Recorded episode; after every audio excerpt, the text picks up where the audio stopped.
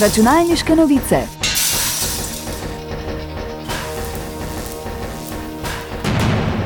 Prisluhnite novostim in zanimivostim z področja računalništva.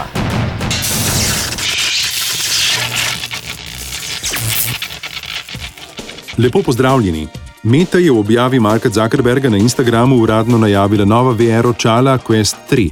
Očala bodo na voljo jeseni, različica s 128 GB prostora pa bo na voljo za 500 ameriških dolarjev. Poleg tega pa bomo prostor lahko še dodatno razširili. Kako globoko bomo morali uporabniki za to seči v žep, še ni znano. V primerjavi s Quest 2 so očala Quest 3 lažja in bolj udobna. 40 odstotkov tanjšim optičnim profilom, medtem ko ima novi čip Snapdragon v notranjosti dvakrat večjo grafično zmogljivost. Nova očala bodo združljiva z igrami za napravo Quest 2, kar je dobra novica za obstoječe lastnike.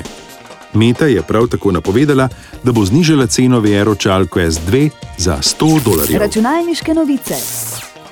Tehnološki giganti se zadnjih nekaj let na vse moči trudijo z razvojem storitev, ki temelijo na glasovni komunikaciji. Digitalna govorna asistentka Microsoft Cortana pa med uporabniki ni bila preveč priljubljena. Zato ne preseneča, da jo bo Microsoft kmalo odstranil iz operacijskega sistema Windows. Microsoft bo podporo za digitalno asistentko Cortana umaknil še pred koncem letošnjega leta. Njeno mesto bo zauzelo precej bolj napredno orodje imenovano Windows Copilot, ki bo temeljilo na umetni inteligenci.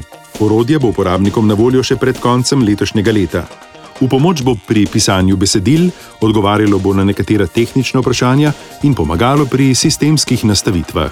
Računalniške novice. Danes že preživet operacijski sistem Windows XP se je ob izidu številnim uporabnikom osebnih računalnikov hitro priljubil, saj je bil takrat korak pred vsemi, še posebej pred svojim predhodnikom. Podjetje Microsoft ga je uradno predstavilo že daljnega 25. oktobra leta 2001. Takoj zatem je Windows XP dobesedno okupiral osebne in prenosne računalnike. Podporo so mu ukinili po 13 letih delovanja. Po 21 letih pa je tehnološkim zanesenjakom vendarle uspelo prelisičiti aktivacijski sistem operacijskega sistema Windows XP.